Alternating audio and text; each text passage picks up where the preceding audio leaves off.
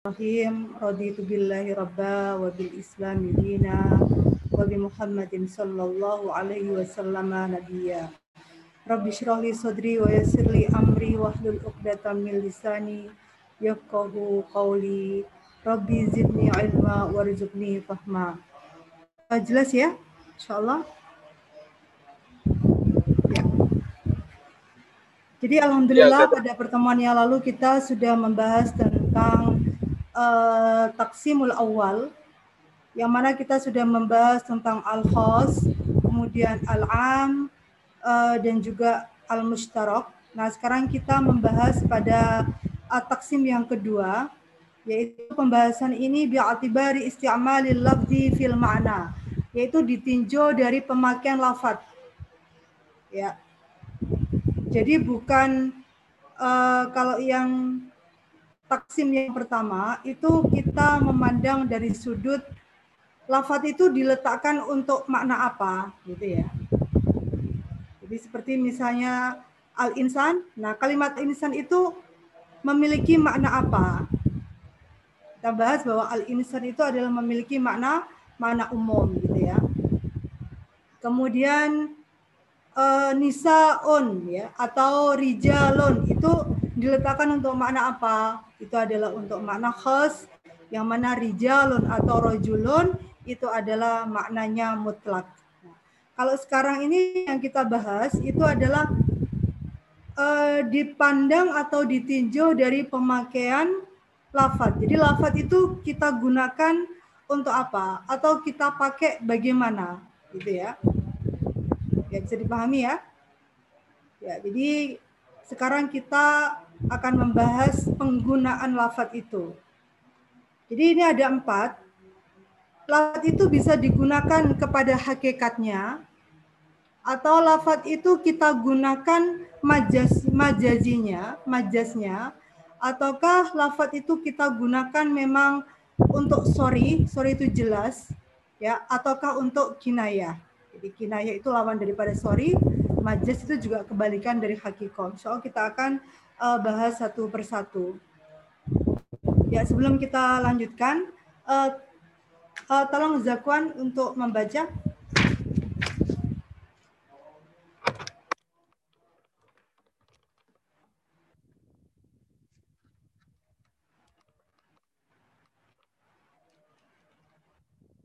Ya, silakan Zakwan.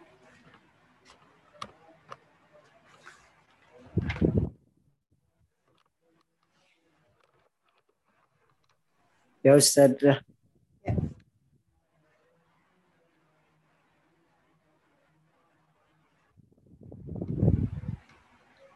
Uh, insya Allah nanti Ustaz kirim kalau sudah tulisannya sudah selesai. Insya Allah untuk tulisan ini akan Ustaz kirim ke uh, classroom insya Allah. Karena ini belum ada selesaikan. Uh, baru dapat lima lembar sedikit. Insya Allah kalau sudah selesai nanti saya share ya Uh, sementara ini dulu. Ya, ya silakan jawaban dibacakan. Dari ataksi Mustani, Iya, dari taksi Mustani, iya betul.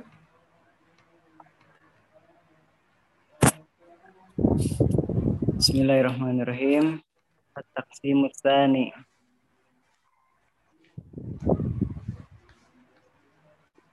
باعتبار استعمال اللفظ في المعنى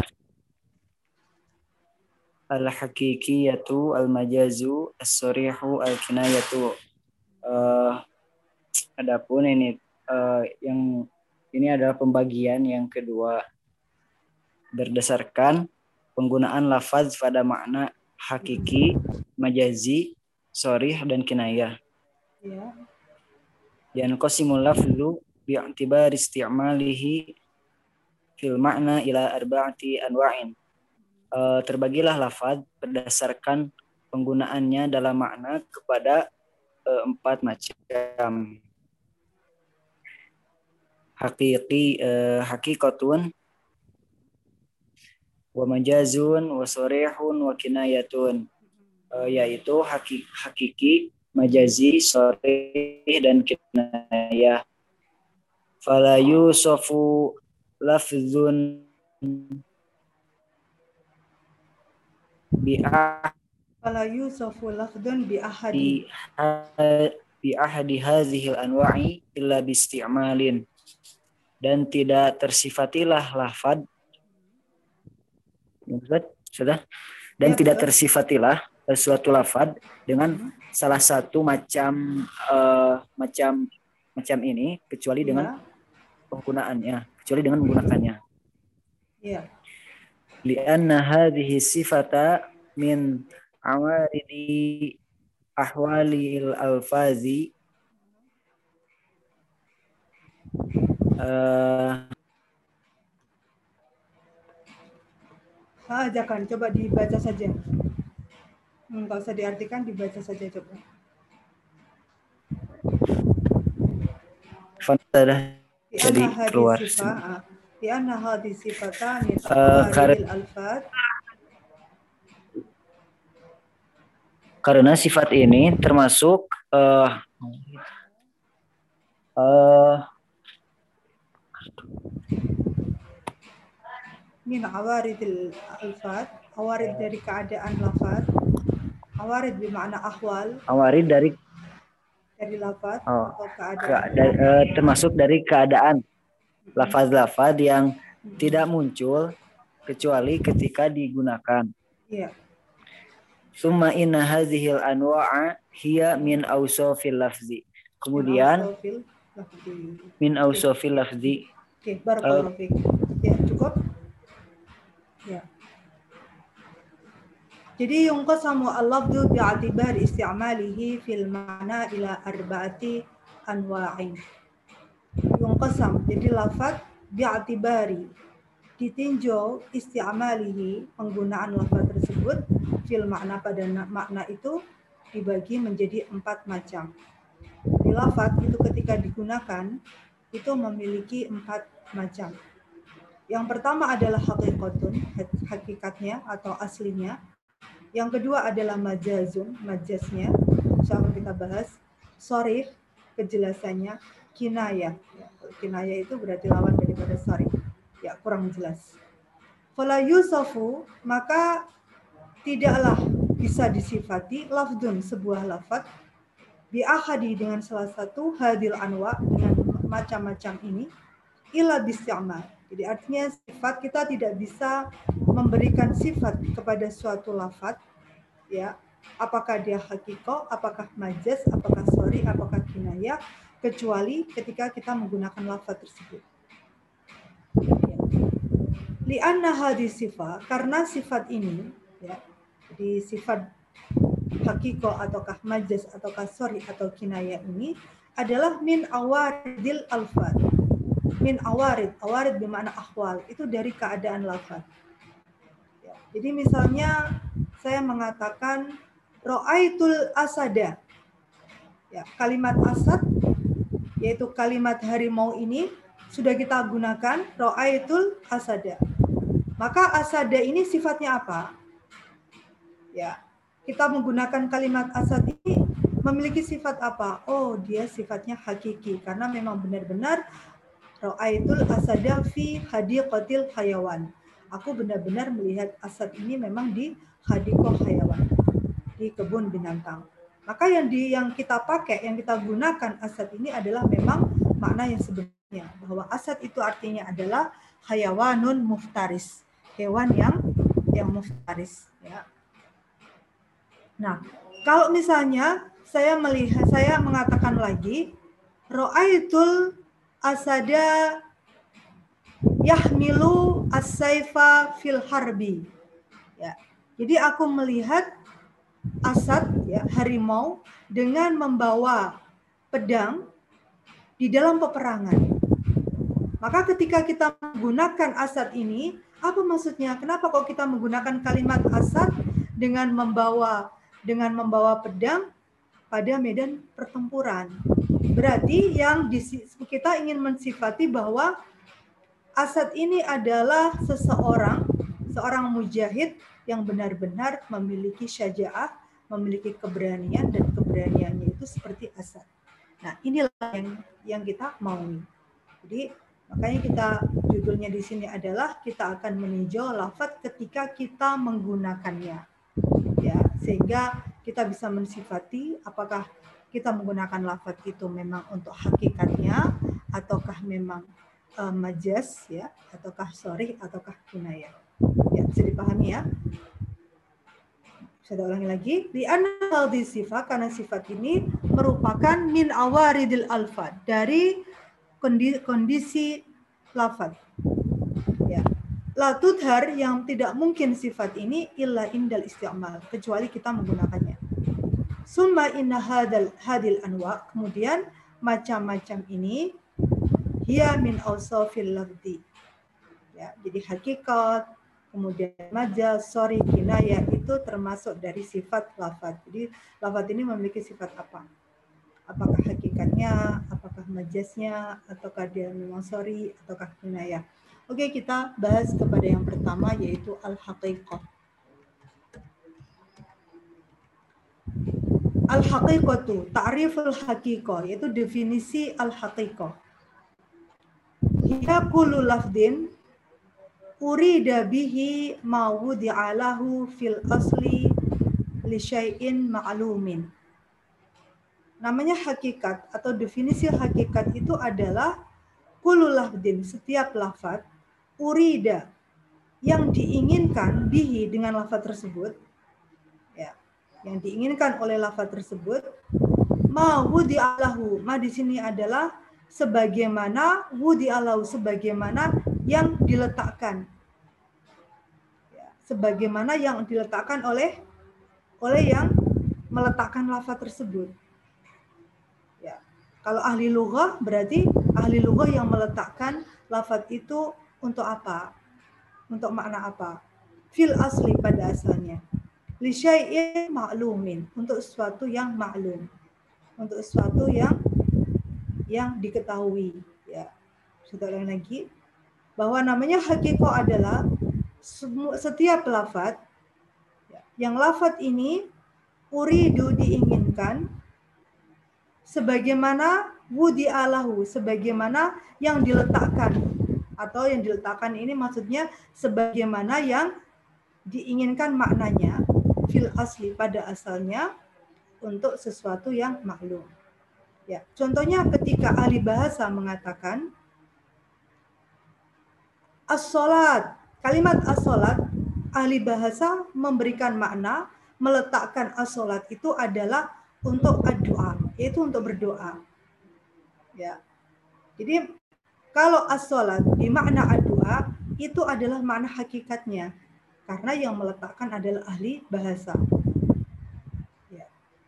Tapi ketika yang meletakkan itu fukoha, ahli fikih, maka dia mengucapkan kalimat atau meletakkan kalimat as-salat itu adalah ibadah maksusoh, ibadah khusus.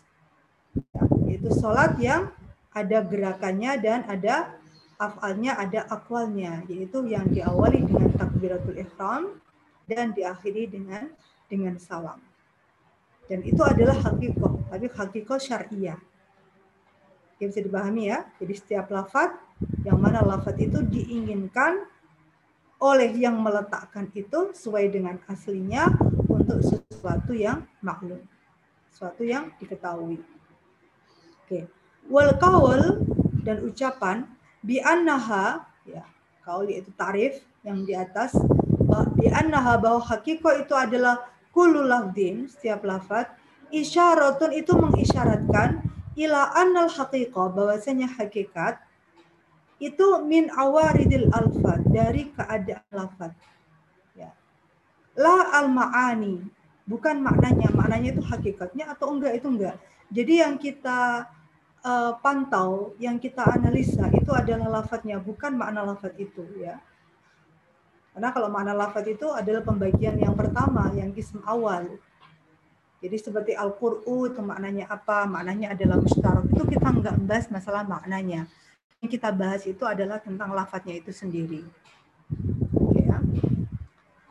Wa misaluha edan al majaz. Demikian juga majas. Majas itu adalah min awaridil alfat.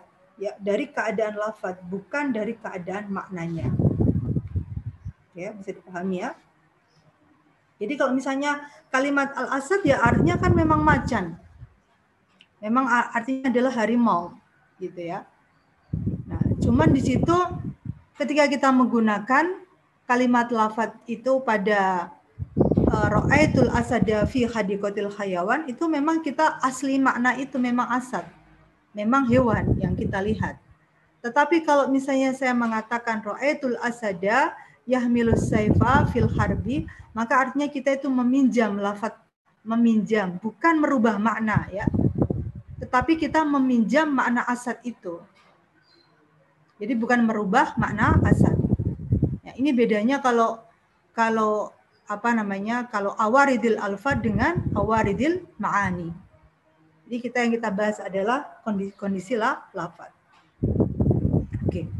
Maka aksamul hakiko, maka hakiko itu memiliki aksam, memiliki eh, bagian-bagian. Uh, yang pertama adalah al-qismul awal itu adalah hakiko al-lughawiyah jadi ada hakikat lughawiyah.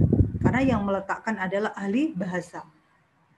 Al-haqiqah syariah karena yang meletakkan lafaz itu adalah fuqaha atau syari ya.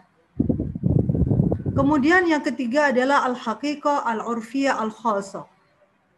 Ya, karena yang meletakkan itu adalah adalah taifah atau jamaah ya di suatu tempat ya atau di suatu negara maka namanya urfiyah al khasa atau bisa urfiyah ahli bahasa atau urfiyah ilmu tertentu ya. Sekarang akan kita bahas. Kemudian yang keempat adalah al-haqiqah al-urfiyah al-amah yaitu urfi tradisi secara secara umum. Dan yang meletakkan ini tentunya manusia, orang ya orang di suatu tempat. Jadi nggak mesti harus mujtahid, nggak harus ahli. Tapi kalau lugawiyah itu jelas ahli bahasa, kemudian syariah itu jelas orang yang memahami uh, syariat, ya, tentunya Allah ini ya. Kemudian orfi al khasa itu mungkin ahli nahu, ya, atau ahli sorof, atau istilah-istilah lain ya. Kemudian al haqiqah al urfi al amah. Ini yang insya Allah kita bahas satu persatu.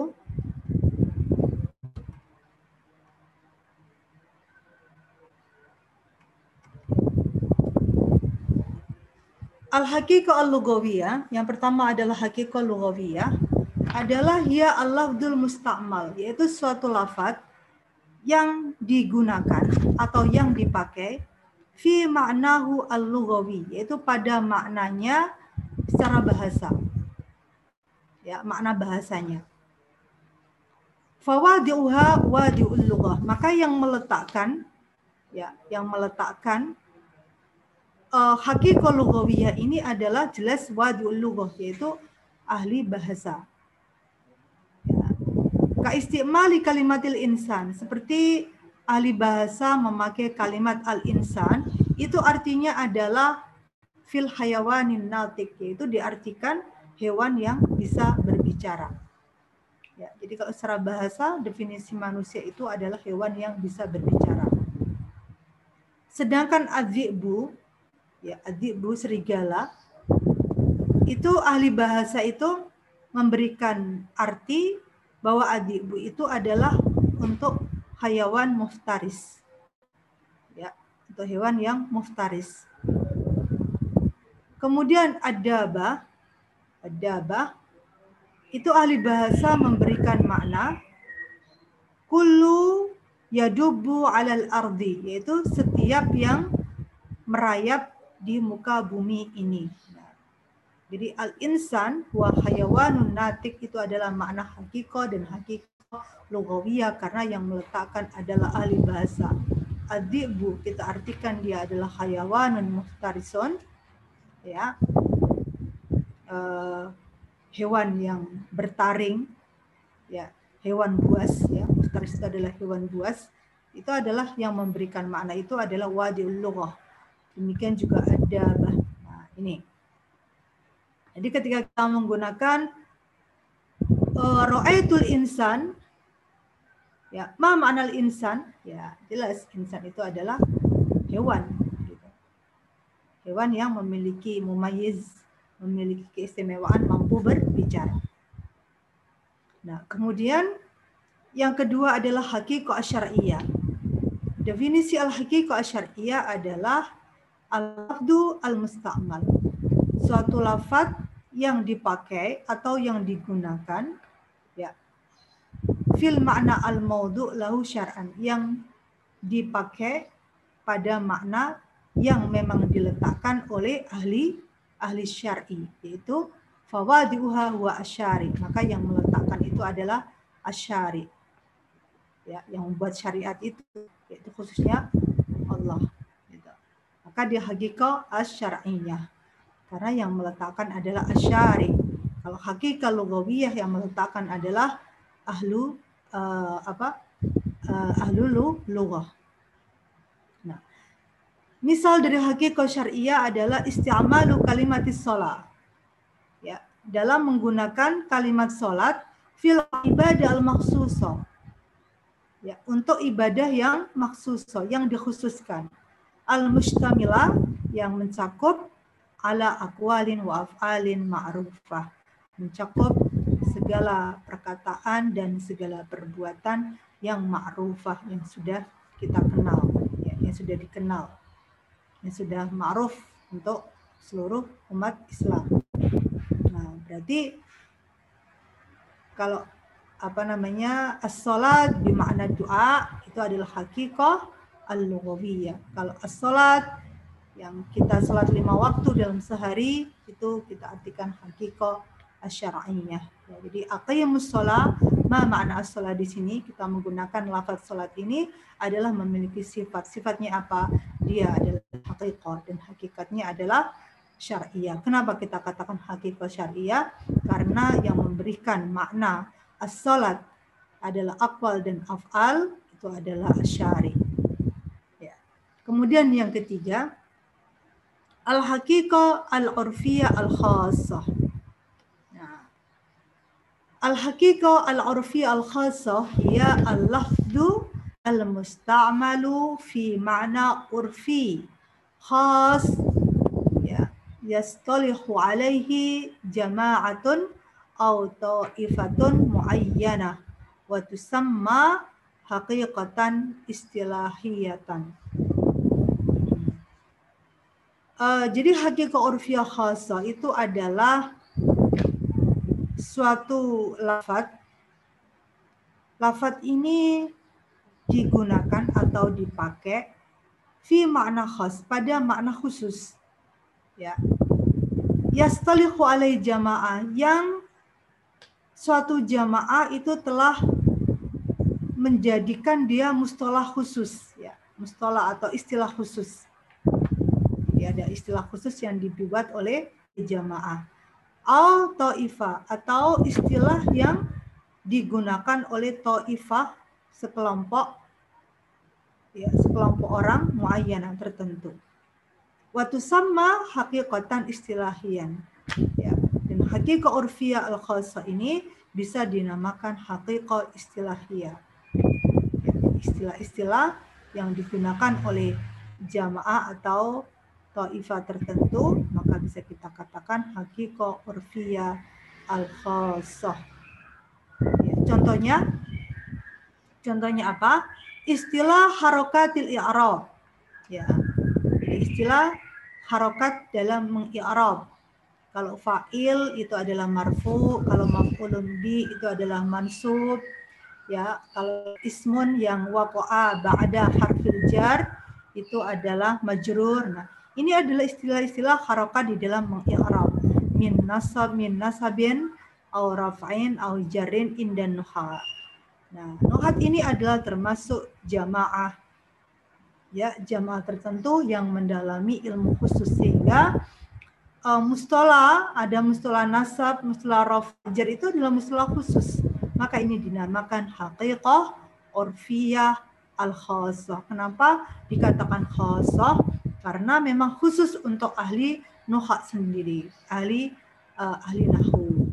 Nanti ada ahli falsafat menggunakan istilah sendiri, ahli hadis juga menggunakan istilah sendiri. Maka dinamakan hakikoh urfiyah al khosah Ya, maka bisa diartikan apa? Hakikoh is istilahiyah. Ya, bisa dipahami ya. Wa istilah istihsan. Kalimat kalimat apa istilah-istilah istihsan ya yang kemarin kita bahas dalam usul fikih itu kan istilah ya.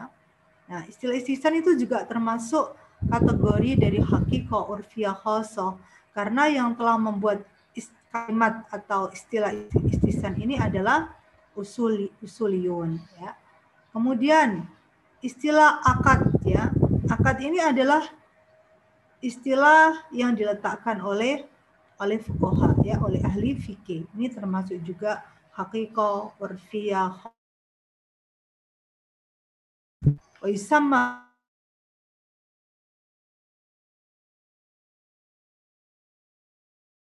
Halo, bisa dipahami?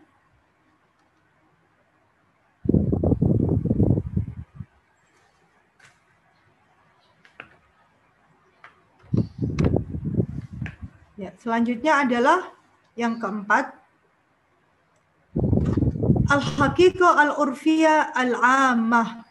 Ya. Jadi ada haqiqah al-urfiyah al-ammah. Hiya al-lafdu al-musta'mal fi makna urfi am. Yaitu suatu lafat yang dipakai untuk makna urfi dan urfinya ini adalah umum. Kalau yang nomor empat itu adalah khusus, yang keempat ini adalah umum.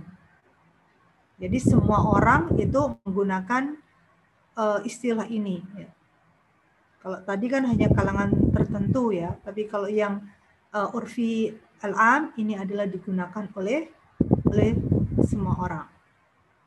Misal isti'malu lafdi dabah ya dalam penggunaan lafat dabah. Ya. Adabah ini urfinya, urfi umumnya itu adalah lidawatil arba ya, yang memiliki empat kaki seperti sapi itu memiliki empat kaki maka dinamakan adabah. Huruf kambing itu juga termasuk adabah. Ya. Tetapi yang memiliki kaki dua seperti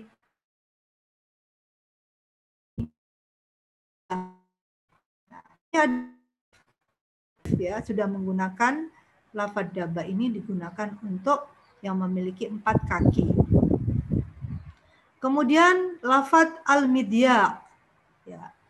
Al-midya ya, bagi orang Arab semua orang Arab itu memakai kalimat media itu adalah untuk untuk radio.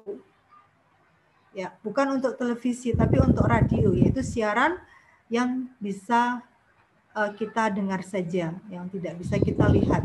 Nah, ini namanya media. Ya. Wa yusamma hadha al-urf urfan aman. Maka ini dinamakan urf aman. Kenapa? Karena digunakan oleh semua orang. Berbeda dengan urf khasah. Karena hanya khusus urfnya uh, apa namanya uh, disiplin ilmu tertentu ya. Seperti ahli fisika memiliki istilah sendiri, ahli matematika memiliki istilah sendiri. Nah, ini namanya hakiko urfiyah khasah. Ya, bisa dipahami sampai sini? Halo? Ustazah. Oke, sekarang asamul majas. Uh, tolong Ardiansyah, uh, mohon dibaca aksamul majas.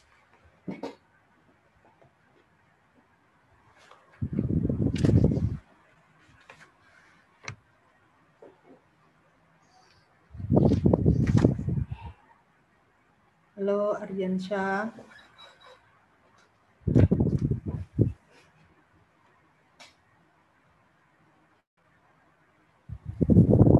Ardiansyah.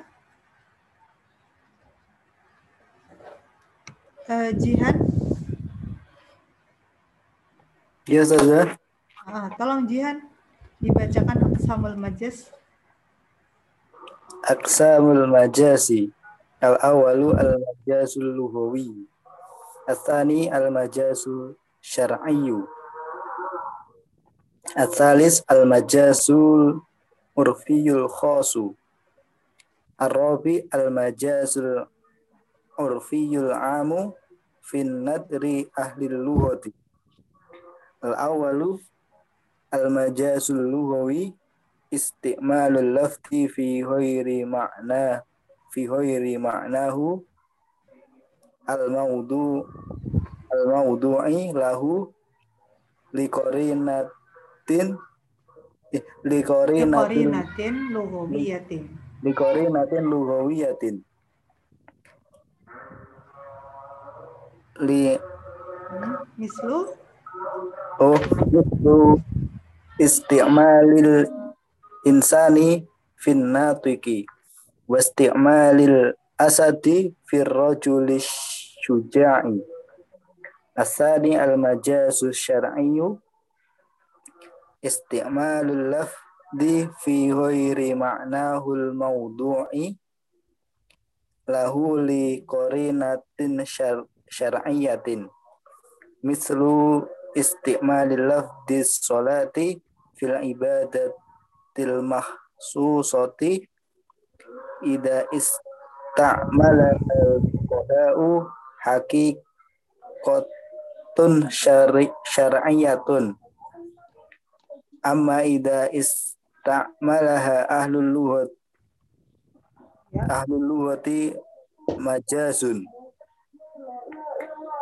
asalis al-majazul urfiyul khasu isti'malul lafdi fi ghairil mawdu'i lahu li'alaqatin ur urfiyatin khasatin kasti'malin nahwi lafdul hali fima alaihi fima alaihi al-insanu min khairin aw sarrin aw aw sarrin.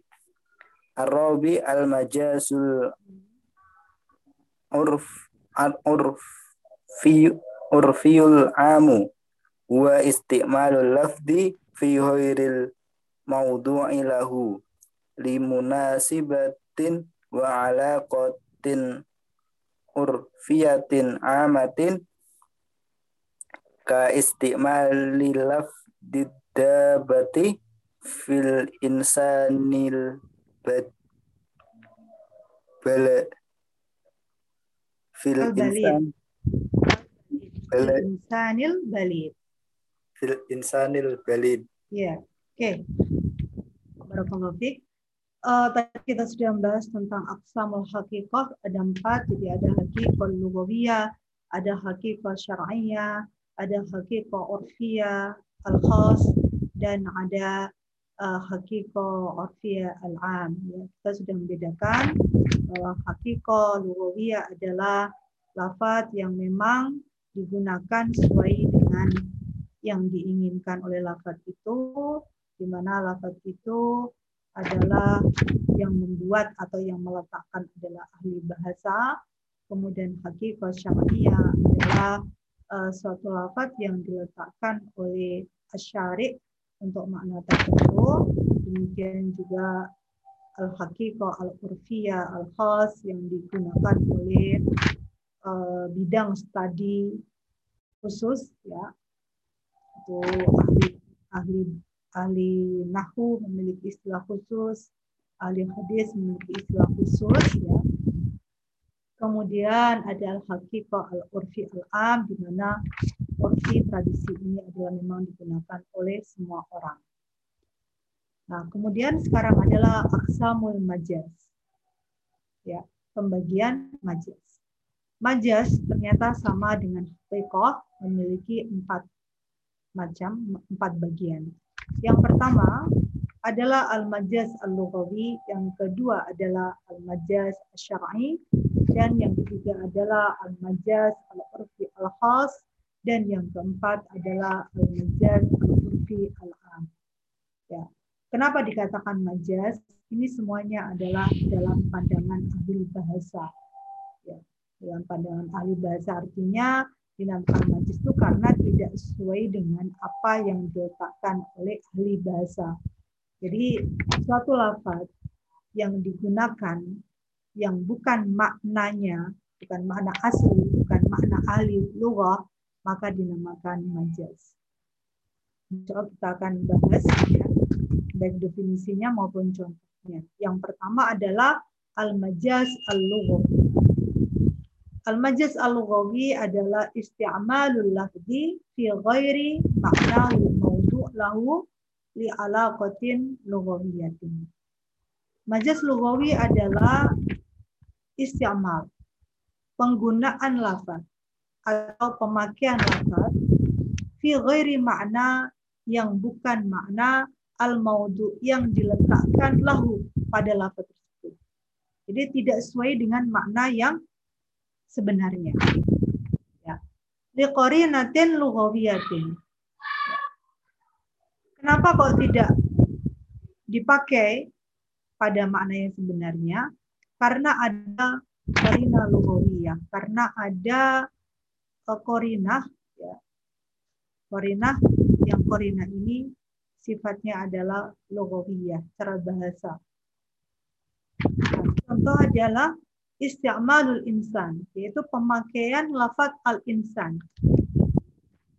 Lafat al-insan ini dipakai artinya natik, yaitu orang yang berbicara.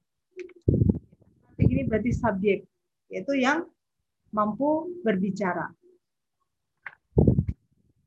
Padahal kalau secara bahasanya hakikoh lughawiyah, al-insan itu adalah hayawanun natik. Ya. Jadi di situ ada kalimat hayawanun natik. Kok jika dipakai al-insan ini hanya natik saja, maka ini menjadi apa? Menjadi majas. Tetapi majasnya majas apa? majasnya lugawi bahasa karena kaitan anatik itu ada kaitannya dengan uh, makna hakiko al-lugawiyah yang artinya adalah hayawanun natik. Ya. Kemudian istiqmalul asad. Pemakaian lafat asad.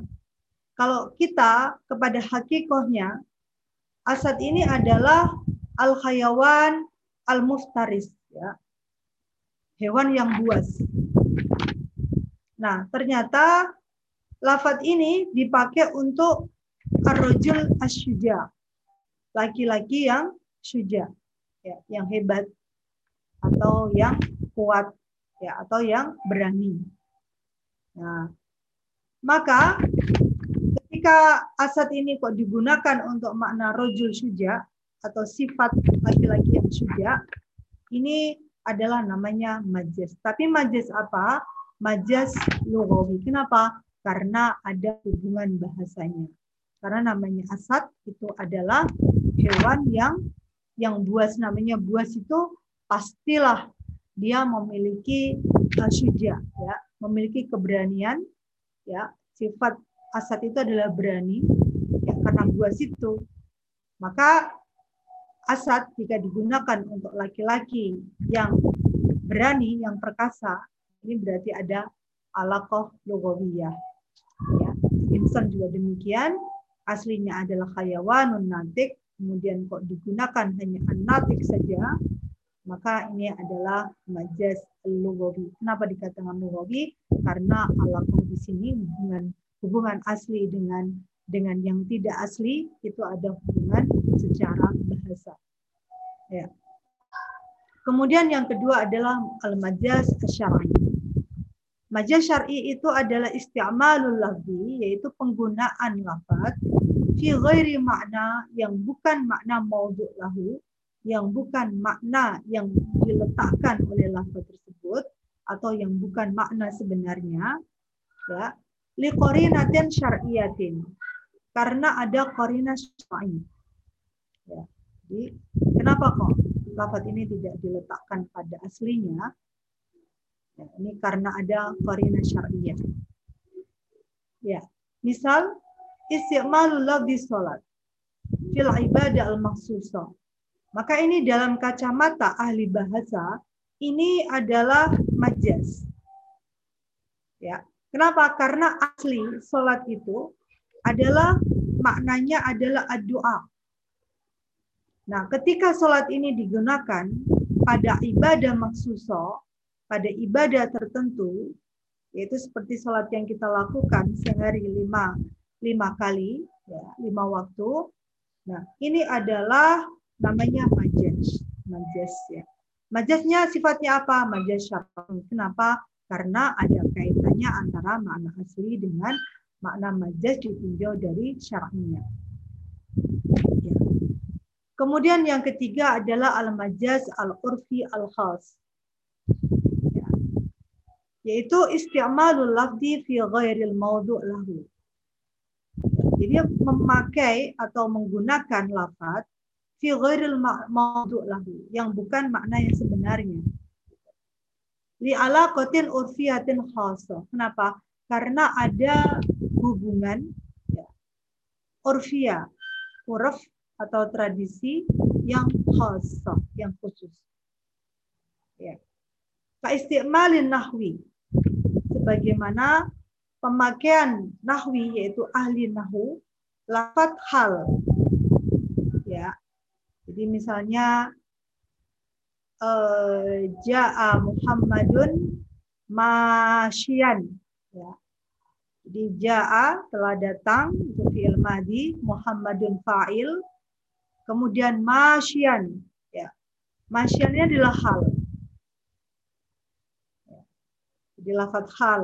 Ini adalah hanya istilah istilah ahli ahli nahu dipakai fi ma'alil insan min khairin wa syarrin. Ya.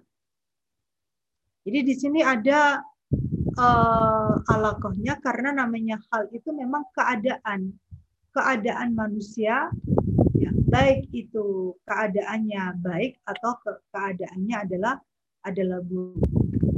Jadi ada hubungan di sini, ada alakoh, alakoh urfiyah. Ya, ya.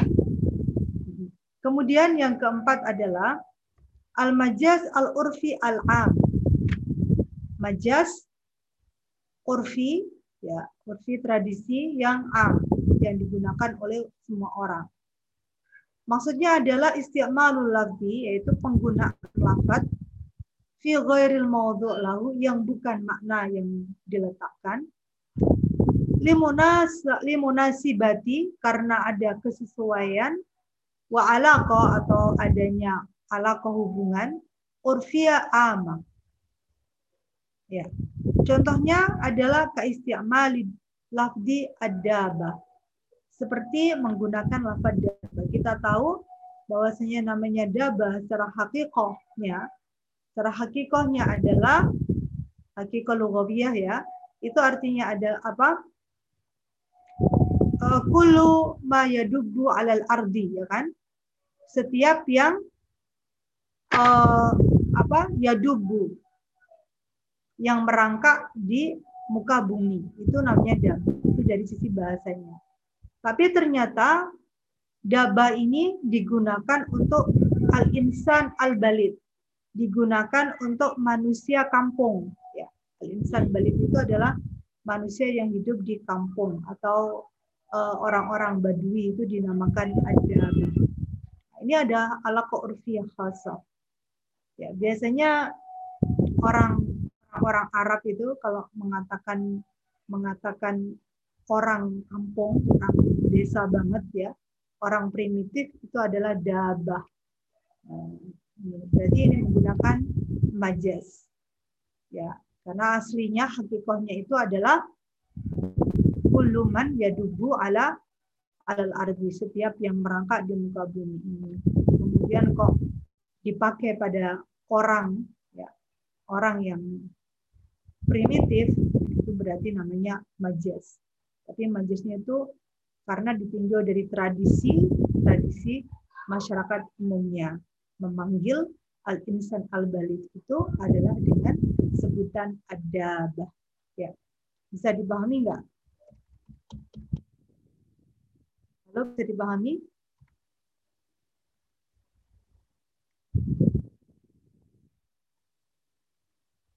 Ya, selanjutnya bainal haqiqa wal majaz.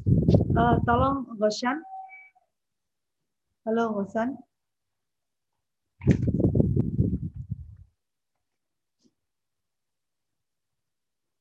Bosan? Nggak ada ya? Uh, Nur Faizi? Bosan ada terus. Oh, uh, Bosan silakan. Tolong dibaca. Bainul Haqiqah wal Majaz. Bainal haqiqati wal majazi. Uh, Ta'riful haqiqatu bisima'i min ahli lughati. Ammal Ulangi majaz lagi. Gimana, gimana? Ulangi lagi. uh, gimana? ta'riful haqiq Tu'rafu. Tu'raful haqiqatu bisima'i min ahli lughati ammal majazu uh, fala budda lahu min al- alaqatin wa qarinatin mahsusatin wal aslu fil kalamil haqiqati wal majazu aridin fa idza fa idza ihtamala al lafz Al-aslu fil hala, al-aslu fil kalam, al-haqiqatu.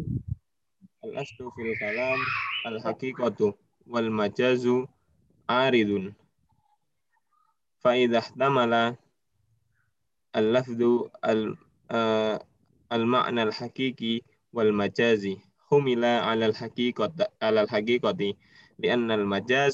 خلاف الأصل. فمن قال آه، وقفت مالي على الأولاد وقفت مالي على الأولاد يقتصر على الأولاد الصلي الصلبيين. الصلبيين. الصلبيين. ولا يشمل الأولاد الأولاد الأولاد. Hmm, Wala yashmulu awlad al-awlad. Hmm. الأولاد الأولاد لماذا؟ لأن, لأن إطلاق الولد على ولد الولد المجاز مجاز Oke, barakallahu. Barakallahu fiik. Ya. Oke. Sekarang yang akan kita bahas adalah antara hakiko dan majaz. Tu'raf al-haqiqah. Jadi namanya hakiko itu diketahui bisima. Jadi hakiko itu diketahui dengan mendengarkan. Mendengarkan dari mana? Min ahli lughah. Ya. Jadi kalimat hakiko itu adalah hanya ahli lughah kita mendengar dari ahli lughah. Amal majaz, adapun majaz, fala budda lahu harus ada, harus memiliki min alaqatin, harus memiliki alaqah wa qarina, ya. Qarina bisa di sini juga dikatakan alaqah ada hubungan maksusah. Ada hubungan yang dikhususkan.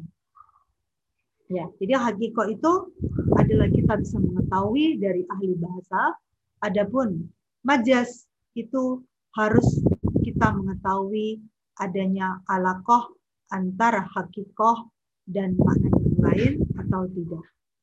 Ya, jadi pasti ada hubungan. Ada hubungan dengan hakikoh. Ya, seperti tadi, contohnya misalnya al-insan diartikan anatik saja. Itu ada alakohnya. Ada alakoh bahasa karena dari sisi bahasa al-insan itu adalah hayawan natik.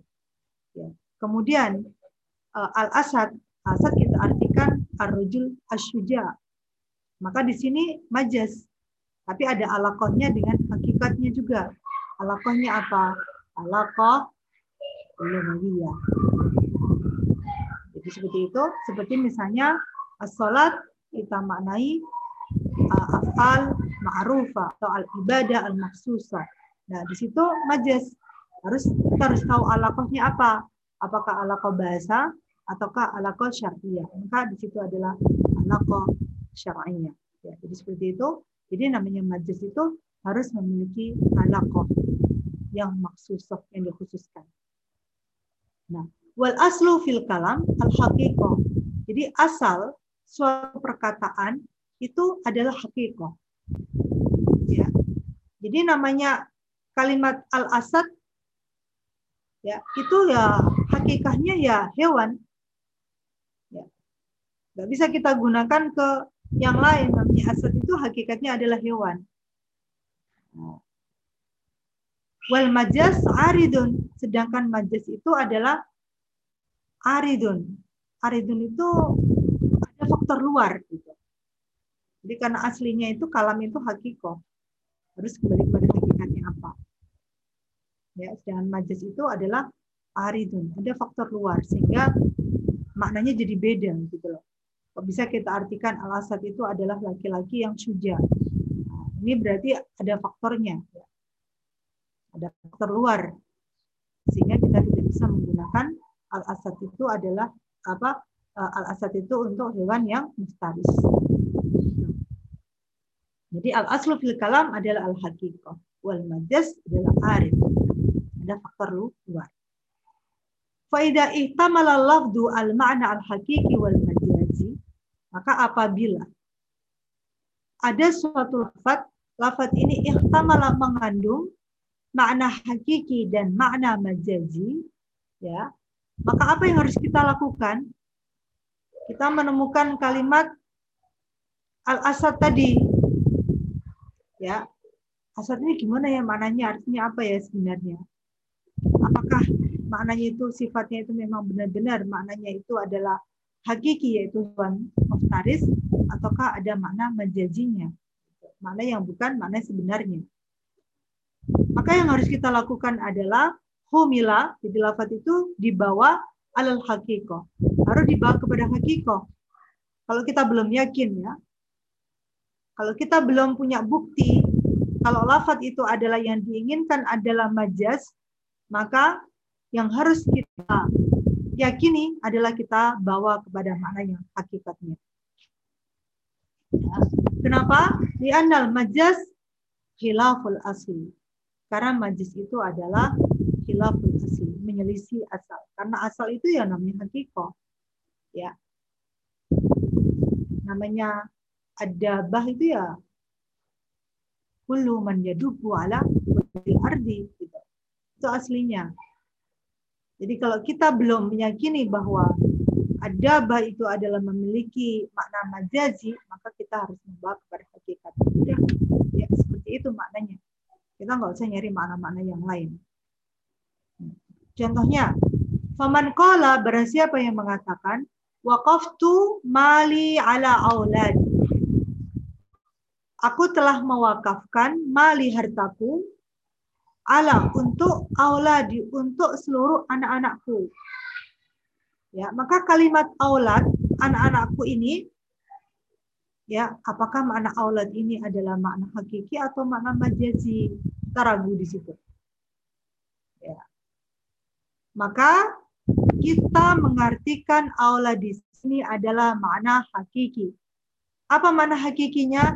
Namanya aulad ya, ahli bahasa meletakkan laulad itu adalah adalah anak yang selbiyin. Anak yang dari tulang rusuk kita. Ya. Artinya anak kandung. Ya. Jadi kita sara alal aulad asolbiyin. Waqaftu mali ala auladi. Apa yang dimaksud dengan aulad di sini? Mana yang sebenarnya? Mana sebenarnya apa? yaitu anak-anak kandung. Anak tiri nggak masuk. Ya, anak angkat tidak termasuk. Wala yasmulu auladal aulad. Nah, kalimat aulad itu tidak mencakup cucu. Aulad auladal aulad. Anaknya anak-anak. Berarti cucu nggak masuk. Ya. Dalam lafaz atau kalimat hakiki Allah itu adalah anak kandung. Kalau cucu yang memiliki memiliki lafaz sendiri ya cucu. Ataupun uh, anak tiri juga memiliki istilah khusus mana apa lafaz khusus. Maka kalau aulad itu tidak termasuk cucu. Kenapa? Di anak itlaqal walad ala waladil walad majaz. Ya, karena itlaq menyebutkan walad anak laki-laki ya untuk makna waladil walad cucu itu adalah majaz. Jadi cucu itu kita anggap sebagai anak kita sendiri itu adalah majazi. Ya, bukan hakiki karena hakikinya yang anak itu adalah anak kandung kita. Kalau cucu kemudian kita artikan itu kita sebut itu anak berarti itu adalah majaz. Ya. Uh, Nur Faizi. Halo, Muhammad Nur Faizi. Ya, Ustazah. Ya, tolong dibacakan lagi nal haqiqah. Yang mana, Ustazah? Uh, lagi nal haqiqah ini selanjutnya ahadi wala yashmulu awladal awlad limada li anna itlaqal walad ala waladil walad adalah majazun. Nah, kemudian selanjutnya lagi nal haqiqah Lakin al-haqiqatu lagi apa ada lagi lo apa? Ada lakinna marfu ataukah mansub ataukah majrur? ba'da lakina marfu, Ustazah. Mansub. Ya, ada lakinna mansub. Oh iya, Deng. Hmm. Lakin al-haqiqata ini tatruka, Ustazah. Kira-kira apa?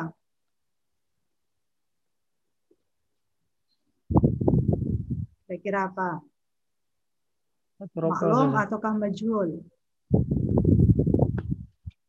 Tut, Tutraku. tutraku.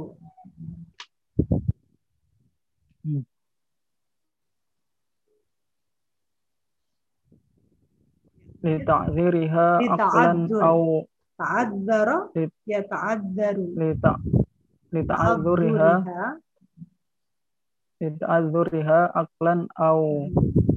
adatan au eh, lita lita'athuriha au li li li hujuriha Haj- Hajara, lihajaraha. Hajriha, a- lihajriha. Adatan au syara'an. Mislu ta mislu ta'ziri man misal ta'adzur, ya, mi- misal misal ta'adzur tadi kan uh, hakiko itu boleh ditinggalkan karena ada ta'adzur, ada udur ya. Di misal ta'adzur itu misal Lanjut. ta'adzur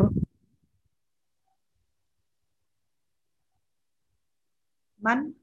Man khalafa ayyakula hmm, min hadhil uh, min hadhil kidri hmm, fayaqa ala ma yahilluha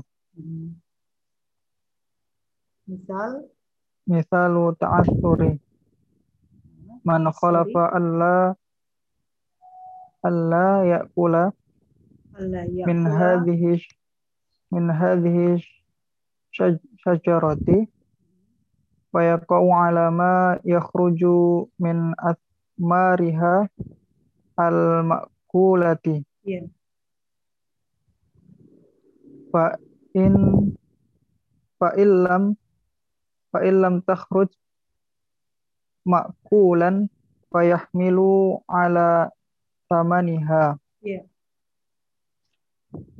wa misal wa misalu hajri. wa misalul hajri adatan man khalafa alla yakula min hadat daqiqi wa yaqau ala ma yusna'u minhu wa huwal wa huwal khubzu eh, ya betul. Misalul hajri syar'an.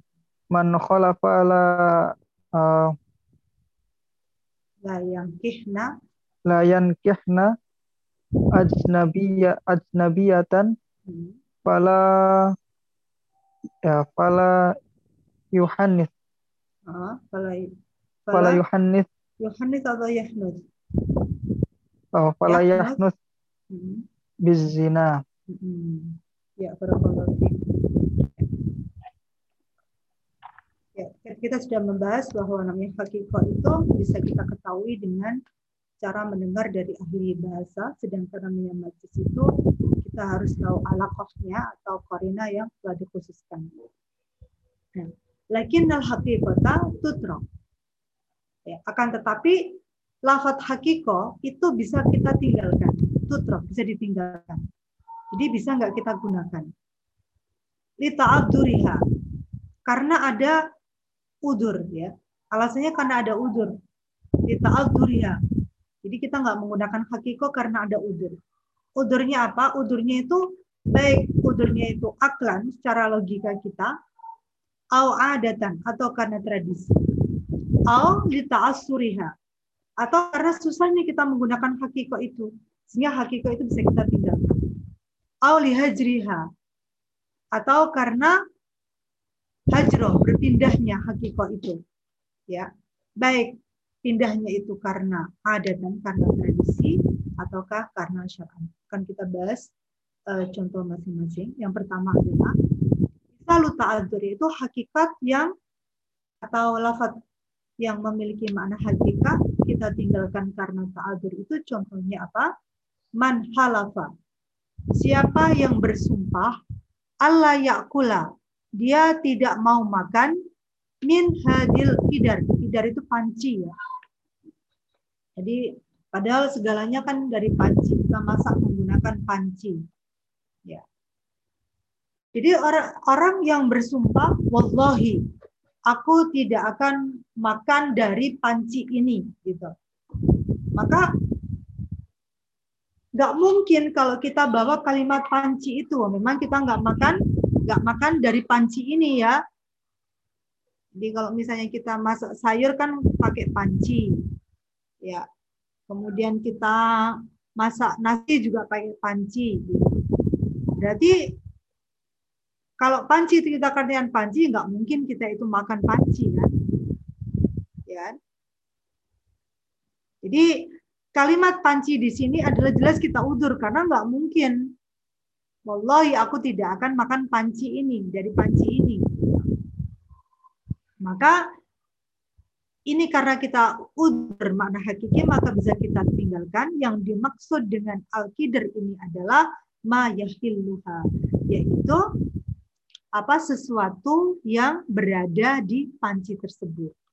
Jadi bukan kita makan. Jadi kalau misalnya eh, kita makan nasi yang ada di dalam panci itu berarti kita tidak melanggar karena melanggar enggak kalau kita ke kepada makna hakikatnya maka kita tidak melanggar kan gitu. Ya karena yang kita yang kita sumpahi itu adalah yang dia sumpah itu adalah dia tidak akan makan panci gitu kan. Berarti kalau dia makan nasi berarti dia tidak melanggar kan gitu. Kalau mana makna apa? Makna hakikatnya. Tetapi yang dimaui bukan itu, nggak bisa kita makna makna hakikat.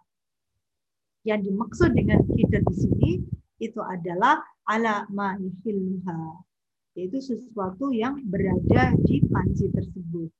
Ya, berarti nasi, sayur, nah, itu.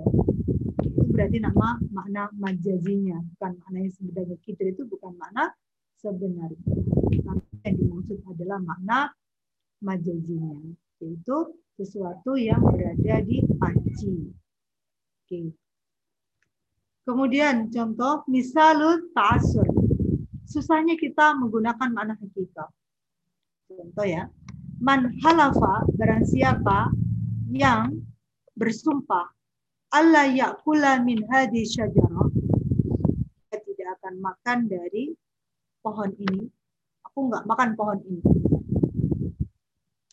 Ya nggak mungkin ya pohon kok dimakan. Ya, sama seperti yang di atas tadi, nggak mungkin dia makan panci.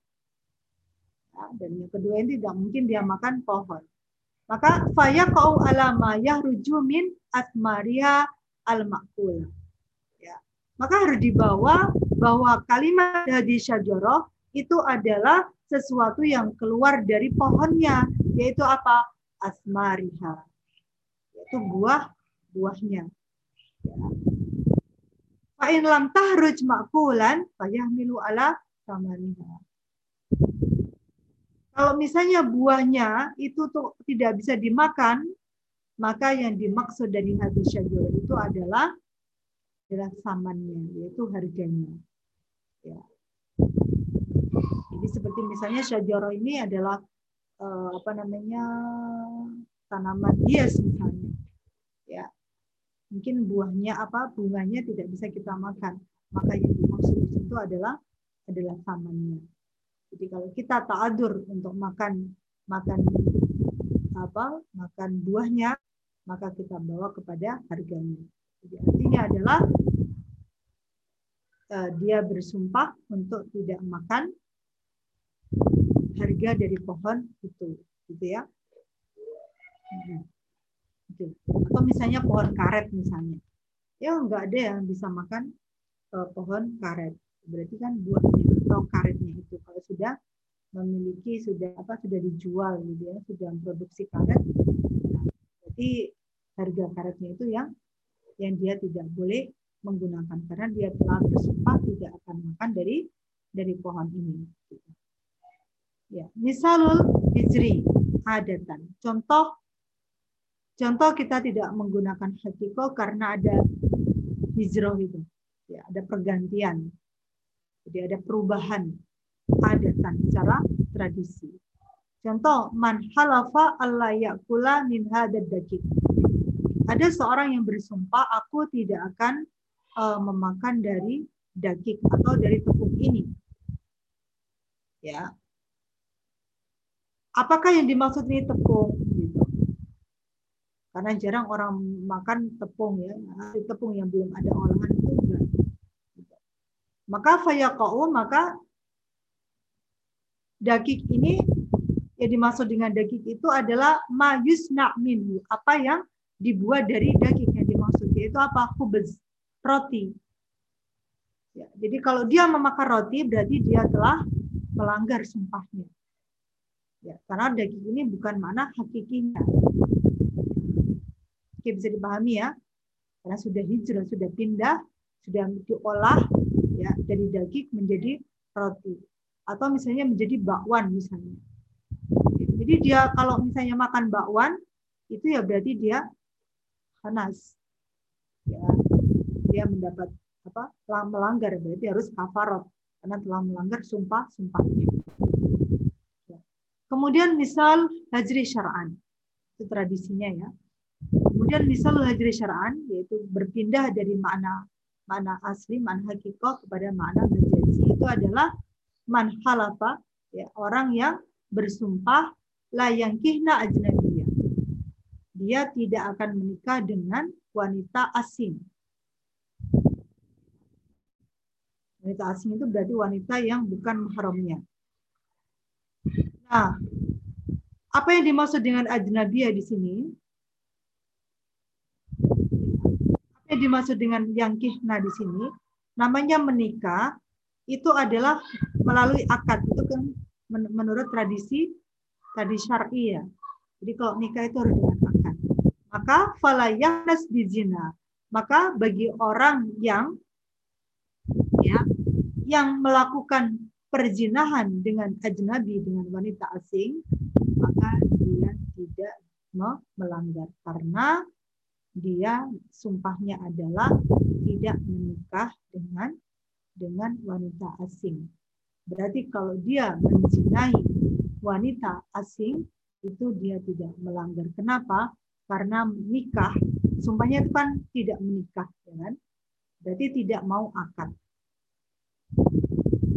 Tidak mau mengakati wanita.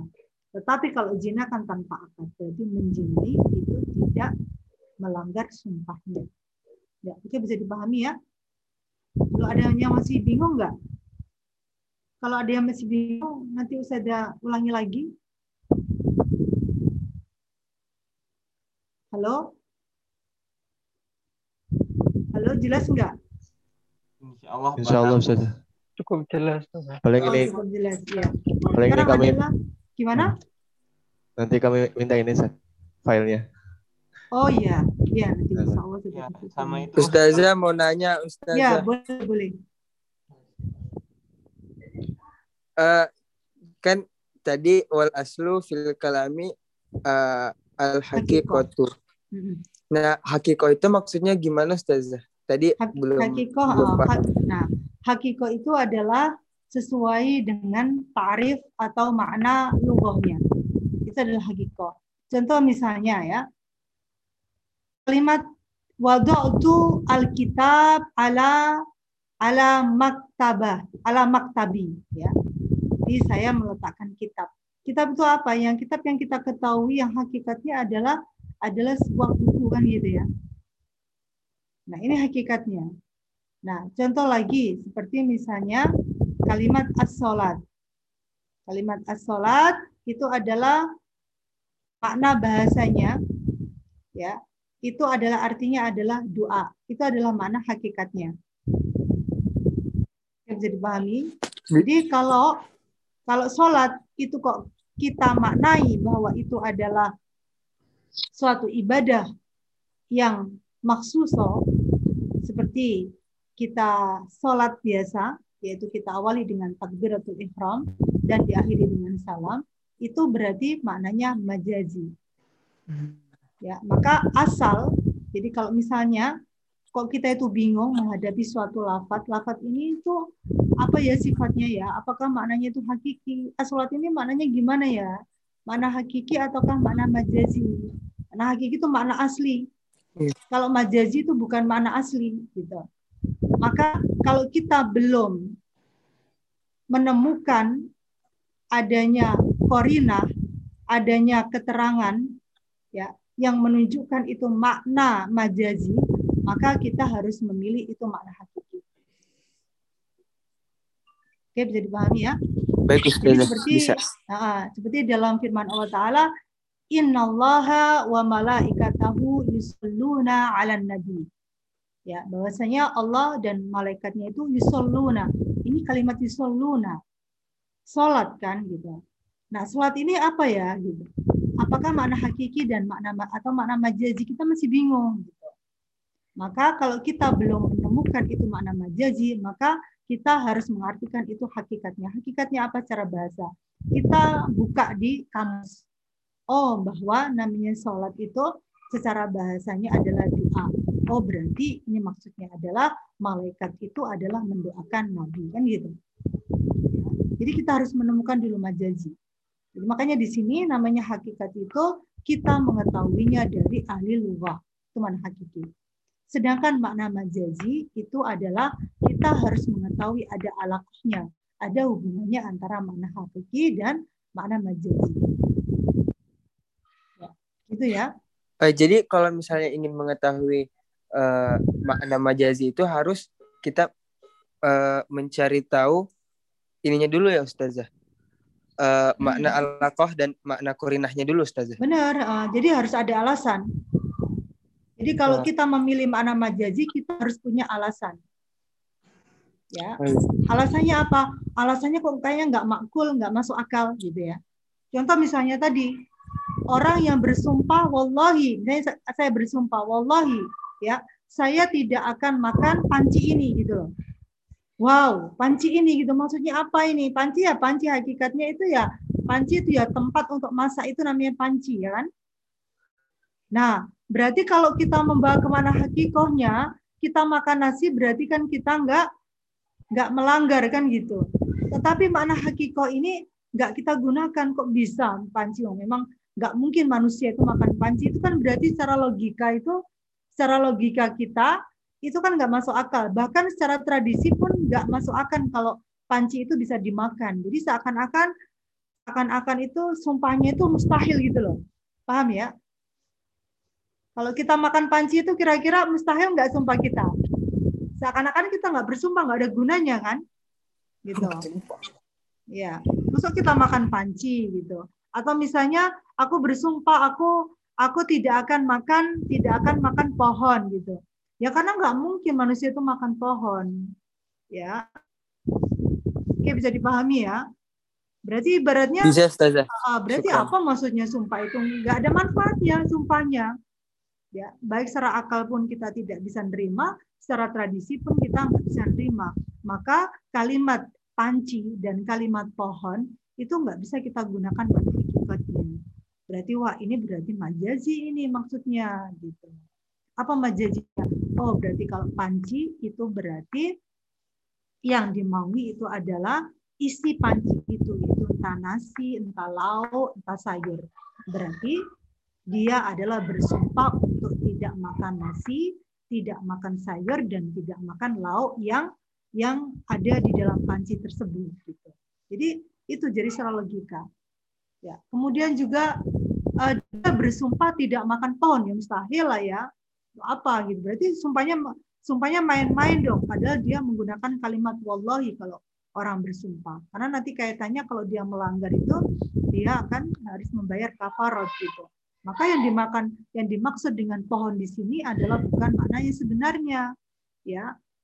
Tetapi makna makna majazinya. Ma- Majazinya apa? Maksudnya yang dimaui pohon ini adalah buahnya. Kalau buahnya tidak bisa dimakan juga, gitu, seperti misalnya pohon karet misalnya, ya, maka yang dimaksud itu adalah adalah apa namanya hasil daripada pohon tersebut. Ya, bisa dipahami ya. Bisa Ustazah. Ah, Sangat jelas Ustazah. Alhamdulillah. Kemudian hukmul hakiko. Insya Allah kita masih ada 5 menit lagi. Hukmul hakiko. Ya. Wah, masih banyak lumayan ya. Oke, hukmul hakiko tolong dibaca siapa Rifan?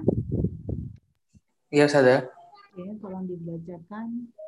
Atau nanti filenya saya share. Yang mana, Ustazah? Hukmul Ah. hakiko. Hukmul haqiqati. Lil haqiqati ahkamun salatun. Hiya salasatun. Hiya al-awwalu thubutul ma'na alladhi udi'a lahu al-lafdu aman kana aw khasan amran aw nahyan ah, nawahul nawahul mutakallimu aw lam i yanwu yanwuhu Ustaz. Ustazah. Eh, yanwihi. lam yanuhu Lam yanwihi. fa Lam yanwihi. yanwihi. Nawa yanwi. Niat. nawain lam yanwi uh, fa qawluhu ta'ala uh, irkau wasjudu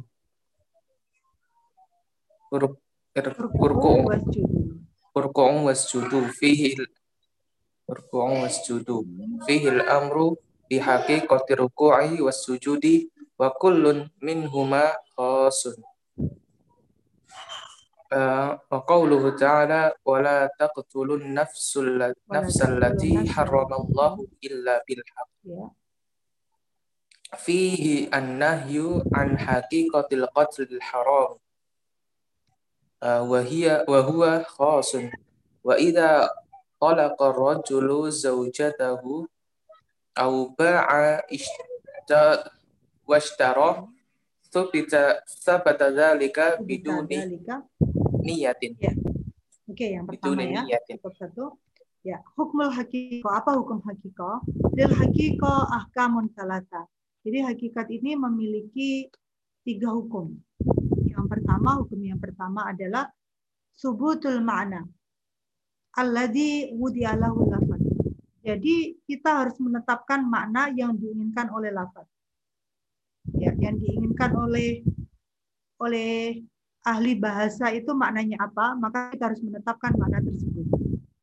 Baik itu aman, baik lafaz itu adalah yang diinginkan adalah umum, ataukah khas, ataukah lafaz itu maknanya khas, atau amron, ataukah maknanya itu amr, atau nahyan, atau makna lafaz itu adalah nahi, nawahul mutakalim la yanwi, baik mutakalim itu meniatkan di dalam hatinya ketika ngomong, atau dia tidak meniatkan ketika ngomong, ya, maka kita harus membawanya sesuai dengan makna tersebut. Contoh, faqalu ta'ala urku'u wasjudu. Ya, urku'u itu adalah fi'il amr, wasjudu juga fi'il amr. Artinya lafaz ini adalah maknanya adalah perintah. Perintah untuk rukuklah kalian, wasjudu dan sujudlah kalian semua. Fi'il amr ya. Maka dalam lafaz ini adalah ada perintah. Bihaqiqatir ruku. Harus benar-benar ruku. Ya, ruku ya ruku ya, di mana kita menundukkan kepala kita dan punggung kita itu namanya ruku. Wasujud ya mana sujud itu ya sujud. Ya, di mana eh, apa namanya kepala kita itu benar-benar sampai ke ke tanah itu namanya sujud. Tangan kita itu juga kita letakkan di di tanah ya, di lantai. Gitu. Itu namanya mana sujud. Gitu. Wa kullu. Dan kita tahu bahwa namanya Warka'u wasjudu itu adalah khos. Kita sudah bahas bahwa namanya fi'il amr itu adalah maknanya khusus. Namanya makna khusus kita tidak boleh merubah makna tersebut. Tidak boleh menambah, tidak bisa mengurang, mengurangi. Ya namanya rukuk ya rukuk seperti itu, nggak bisa kita maknakan lain. Ya. Jadi subutul makna. Jadi kita harus menetapkan makna yang diinginkan oleh lafaz tersebut. Itu hukumnya, hukum hakikah. Kita nggak boleh merubah ya.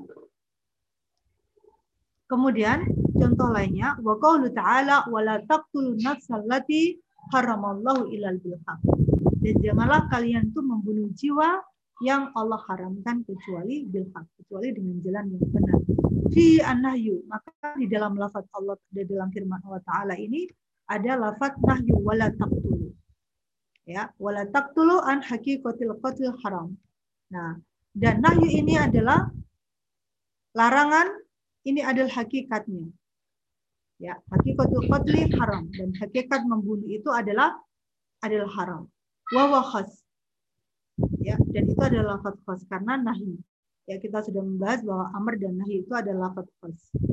Namanya larangan membunuh itu adalah adalah hakikatnya adalah memang haram. Ya, jadi kita nggak boleh merubah, nggak boleh merubah maknanya nggak boleh jadi boleh gitu nggak boleh namanya dilarang ya berarti uh, kalau kita laksanakan jadi ha haram.